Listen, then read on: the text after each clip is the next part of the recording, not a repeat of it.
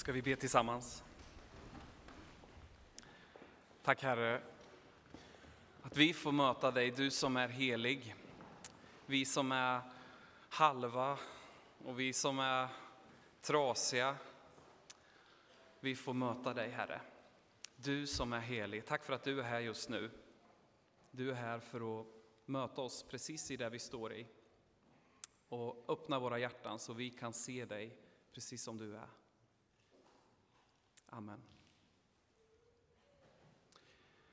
Först vill jag tacka för att jag har fått vara i Ryttargårdskyrkan som pastor. Två år. Kanske inte så lång tid, men det har varit innehållsrika år. Det har varit spännande att få vara i en stor församling med mycket liv och rörelse. Jag är tacksam för det jag fått lära mig och att fått växa. Känner att jag har fått göra i den här församlingen. Tacksam för alla möten med underbara människor, alla ungdomar sitter där. De sitter säkert lite utspritt också, men det var särskilt där var de. Och alla andra. Jag är tacksam och det känns mycket spännande att få vara kvar i stan och få jobba tillsammans för Guds rike. Det var det första jag vill säga. Det andra, en liten pålysning. Alla som är nya i stan, särskilt välkomna till gudstjänsten. Vi bjuder på fika och säger någonting om kyrkan efter gudstjänsten i Ekkällan som är lokalen rakt ut här. Den här hösten så arbetar Teen Church, som för er som inte vet vad Teen Church är, kan snubbla lite på det där ordet, men det är ungdomar som samlas klockan halv elva oftast. Så börjar man med att äta frukost och sen så har man oftast en egen samling under gudstjänsttid. Men ibland så kommer man också med i den stora gudstjänsten. Den här terminen så arbetar vi med frågan vem Gud är och med ett särskilt fokus på att Gud är helig. Och bönen för den här terminen är att Gud ska väcka en helighetslängtan. En längtan efter att få vara äkta. Gud är äkta och vi vill vara äkta. Det är vår bön. Peter Halldorf han skriver i sin bok som heter Helhetslängtan så här. I den kultur där Bibeln växte fram upprepade man ett ord om man ville stryka under att något var särskilt viktigt. Vid några tillfällen händer det att Bibeln upprepar något tre gånger i följd. Det enda som sägs på ett trefaldigt sätt är att han är helig. Det står aldrig att kärlek, kärlek är Herren, eller nåd, nåd, nåd är, her är Herren Gud, eller vred, vred, vred är Herren. Men det står i både Nya och Gamla testamentet att Gud är helig, helig, helig. Och predikan kommer att röra sig kring det här, att Gud är en helig Gud. Och jag vill göra det utifrån en text i Gamla Testamentet, Hosea kapitel 11. Och det första jag skulle vilja göra, det är att vi skulle försöka ta oss tillbaka in i den situation som rådde 700 år före Kristus. I den situation då Hosea blir kallad som profet. Och kanske att det skulle kunna låta så här. Ja, det var många år sedan Gud hjälpte sitt folk ur fångenskapen i Egypten. Det var ju fantastiskt stort, men det var ju så länge sedan. Det känns så avlägset. Säkert så var Gud väldigt nära under ökenvandringen. Under skedde ju. Och det var nog säkert fantastiskt att få träda in i det utlovade landet.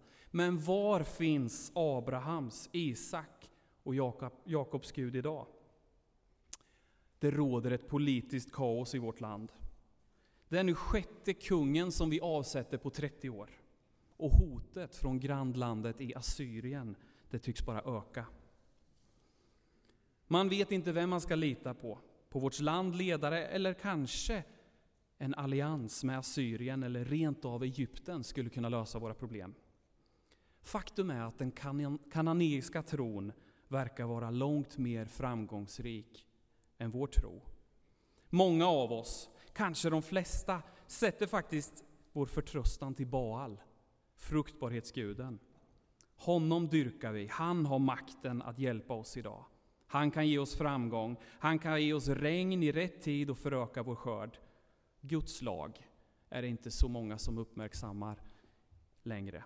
Vi kan skapa våra egna lagar. Vi klarar oss faktiskt utan Guds gamla budord. Kanske skulle det här kunna vara ord ifrån en israelit på 700-talet.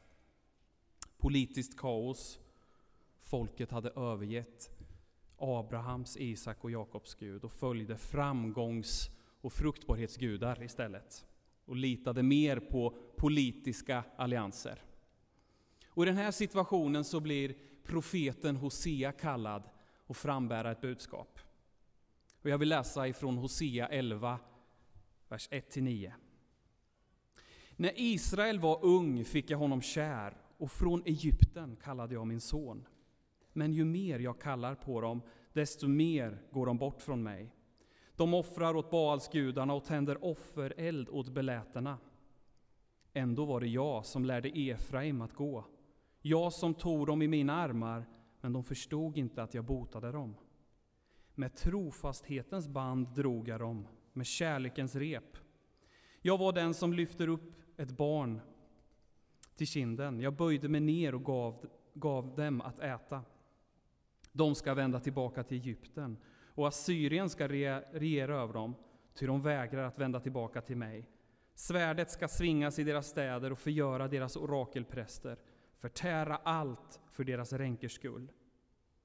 Hur skulle jag kunna släppa dig, Efraim, överge dig, Israel, göra med dig som med Adma och behandla dig som Sevojim? Mitt hjärta är i uppror, all min medkänsla väcks. Jag ska inte låta min flammande vrede få utlopp. Jag ska inte ändra mig och förgöra Efraim, ty jag är Gud och inte människa, den helige mitt ibland er. Jag kommer inte med skräck. I Hosea 11 tycker jag det är som att profeten får blicka in i Guds hjärta. Han får se vad som försiggår där. Han får se in i Guds tronrum och så förmedlar han det han ser till folket. Jag vill se, nämna tre saker som vi får möta i den här texten, det som vi får se hos Gud. Det första vi får möta är trofasthet och tålamod. I de här första verserna, kapitel 11, så ser vi en Gud som ser tillbaka och minns sin kärlek till sitt folk. Han minns hur han kallade ut sin son, sitt barn, ut ur Egyptens fångenskap. Han minns hur han, precis som en fader lär sitt barn att gå för första gången, tar barnet i sina armar. Och han säger det, det var jag som lärde Efraim att gå, det var jag som tog dem i mina armar. Och Efraim är ett annat ord för Nordriket som Hosea vände sig till. Gud var den som lärde Israel att ta sina första vacklande steg. Och det var Gud som hjälpte dem var gång de föll. Jag tycker det här är en underbar beskrivning på hur Gud är. En fader som tar hand om sina barn. Den uttrycker djup ömhet och närhet. Jag var som den som lyfter upp ett barn till kinden. Jag böjde mig ner och gav dem att äta. Och att vi kallas Guds barn, det grundar sig i att Gud har utvalt oss. Gud har bestämt sig för att älska oss. Och ändå så ser vi hur Guds barn ofta reagerar. Ju mer jag kallade på dem, desto mer går de bort från mig. Vi har ju fått en liten son, Elia, och vi har inte sett det där än, den här trotsigheten som kan finnas. Jag vet av er, egen erfarenhet att det kommer en sån period. Men än så länge så behöver vi inte ens lära honom att gå förresten, utan han bara sitter där och ler. Men det, det är ofta så, att det kommer en trotsighet, och även så i relation till Gud. Man vill söka sig någon annanstans. Och Israels folk hade valt att trotsa sin Gud och, och gå till andra, söka sin tröst hos avgudar. Men Gud stod fast och var tålmodig. Varje gång de föll fanns han där. Han fostrade dem som en kärleksfull förälder. Och jag tror att Hosea lyfter fram det här det här Guds ordet för att Israel behövde bli påminda om sitt förflutna. En helig historia. Och kanske kan det också påminna någonting i våra egna liv. Hur Gud har kallat oss. Hur han har varit trogen och stått oss nära.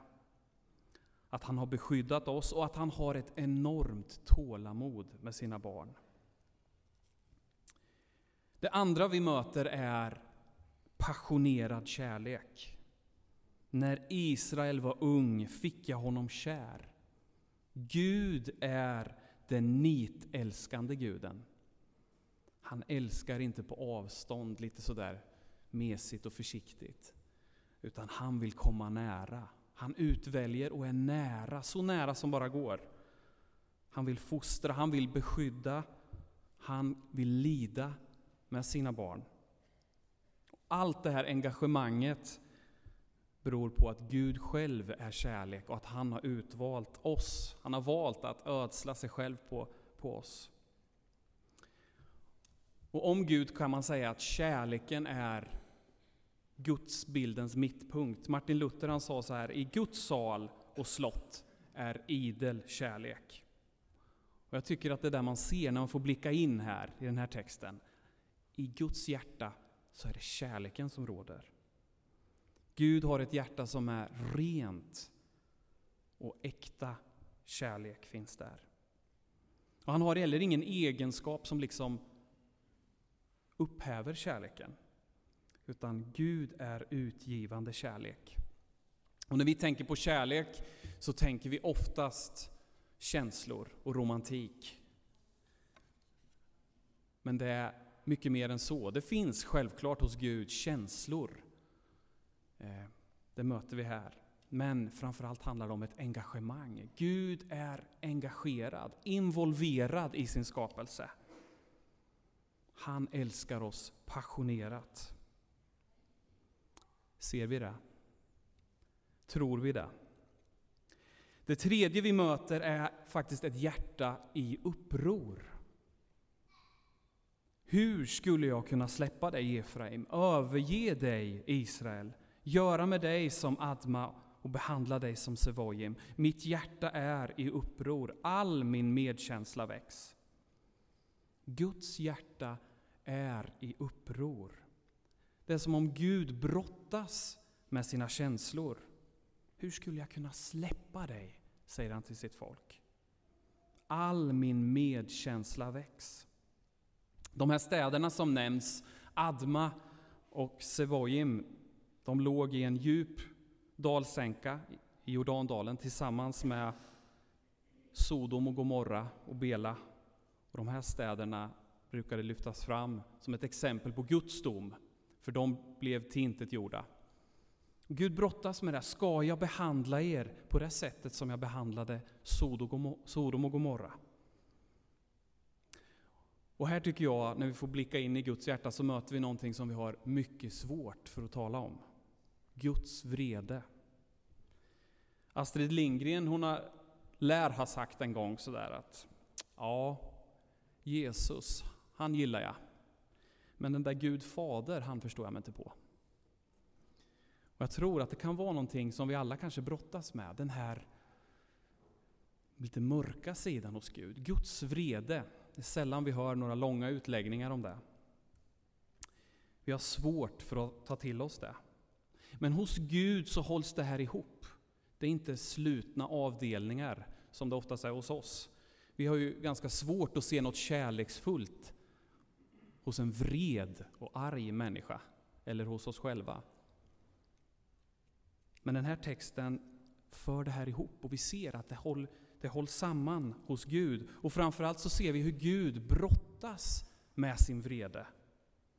För Guds vrede uppstår i mötet med det som är orent, med synden, upproret, lagbrottet. Guds vrede uppstår på grund av att han är alltigenom fläckfri, ren, ljus. Gud är en moralisk Gud och det universum som han har skapat är också ett moraliskt universum. Så hos Gud så står inte vreden i motsats till kärleken. Men ändå så kan man säga som Luther igen sa att vreden är någonting främmande för Gud. En främmande egenskap kallar Luther vreden för. För det är inte så att Gud har vredgats i evighet, utan det är någonting som har kommit på grund av ett uppror som restes mot Gud. Och det är inte så att han kommer att vredgas i evighet, utan framförallt har Gud löst det här genom att själv ta på sig sin egen vrede. Genom att själv gå ner från domarbåset och betala ut böterna. Låta vreden gå över sig själv. Men vreden är heller inte något ursinningslöst, utan det handlar om att omvända sitt folk.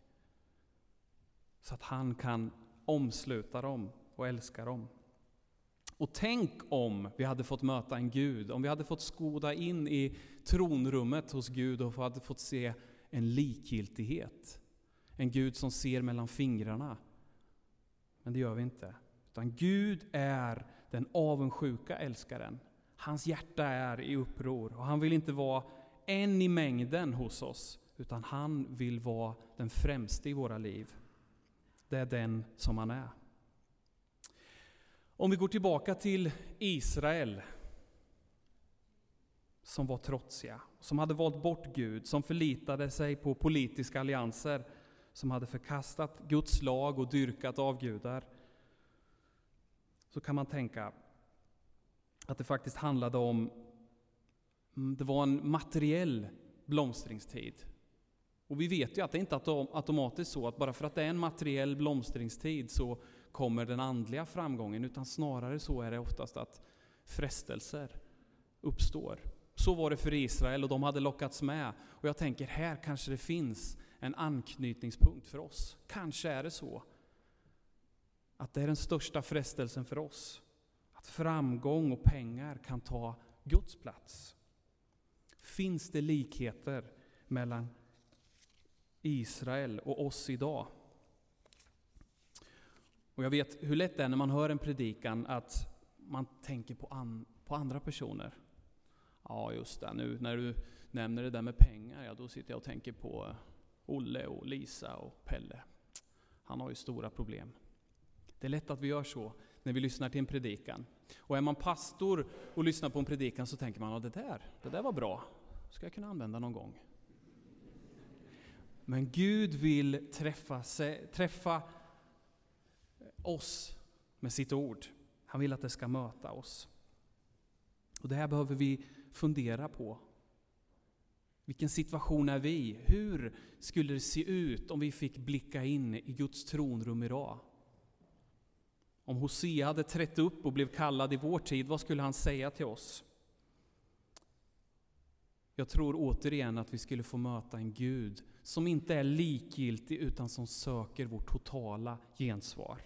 En Gud som brottas med sitt folk och en Gud som är fullt ut engagerad i sin skapelse. Han är insyltad, inblandad i sin skapelse och i våra liv. Och han håller fast, han överger inte, han har tålamod, han beskyddar, han lider, han tuktar och han vredgas. Men framför allt är han kärleksfullt trofast, för det är så han är i sitt väsen.